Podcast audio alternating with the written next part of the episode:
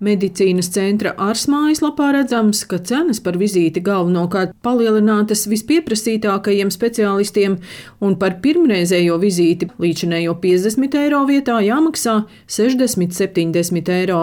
Ārs valdes priekšsēdētājs Māris Andersons stāsta, ka vidēji pakalpojumu cenas palielinājušās no 5 līdz 15 procentiem. Piemēram, no endokrinologi, reumatologi un gastroenterologi ir ļoti grūti pieejami speciālisti, un lai nu, nu, piesaistītu labākos ārstus, viņus noturētu, nācās Viņiem arī tur tās cenas pacelt no 50 līdz 60, tas ir drusku vairāk nekā 10%. Bet galvenais, ko es gribu uzsvērt, ir tas, ka Arsā patiešām ir augstākās klases tehnoloģijas.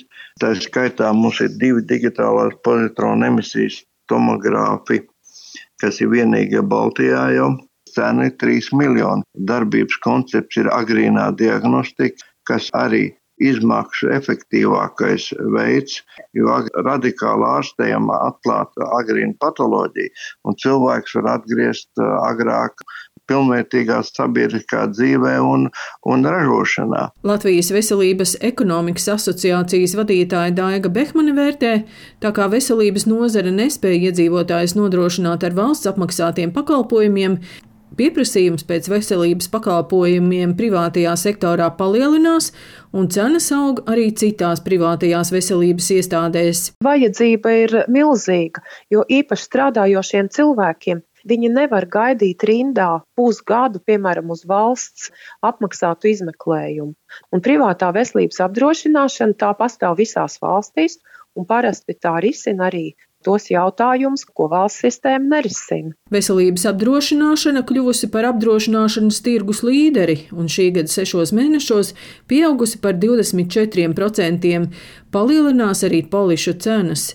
Turpina Veselības centra četri valdes priekšsēdētājs Māris Rēvalds. Šis polises tas ir veids, kā darba devēji uzlabo pieejamību veselības aprūpas pakalpojumiem. Pakalpojumu cenām pieaugot, šīs polises arī paliek dārgāks, kas attiecas uz tiem pacientiem, kas izmanto tikai valsts apmaksātus pakalpojumus. Tad uh, tur joprojām Latvija cieš no sliktas pieejamības. Kaut gan šā gada otrajā pusē valdība ir uh, devusi diezgan liels papildu līdzekļus rudenī.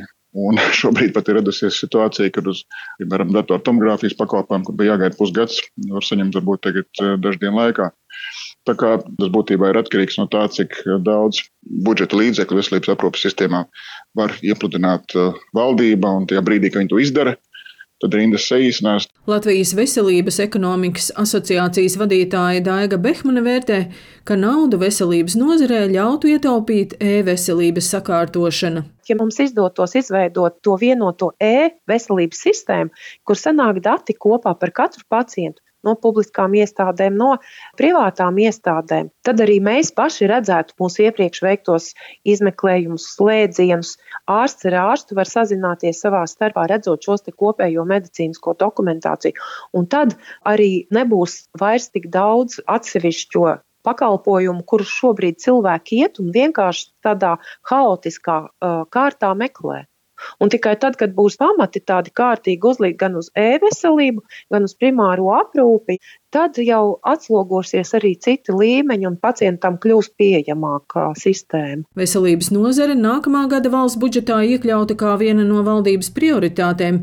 Tai papildus plānots novirzīt 275 miljonus eiro, ko paredzēts izlietot arī lielākam skaitam izmeklējumu, tādējādi mazinot pacientu gaidīšanas rindas.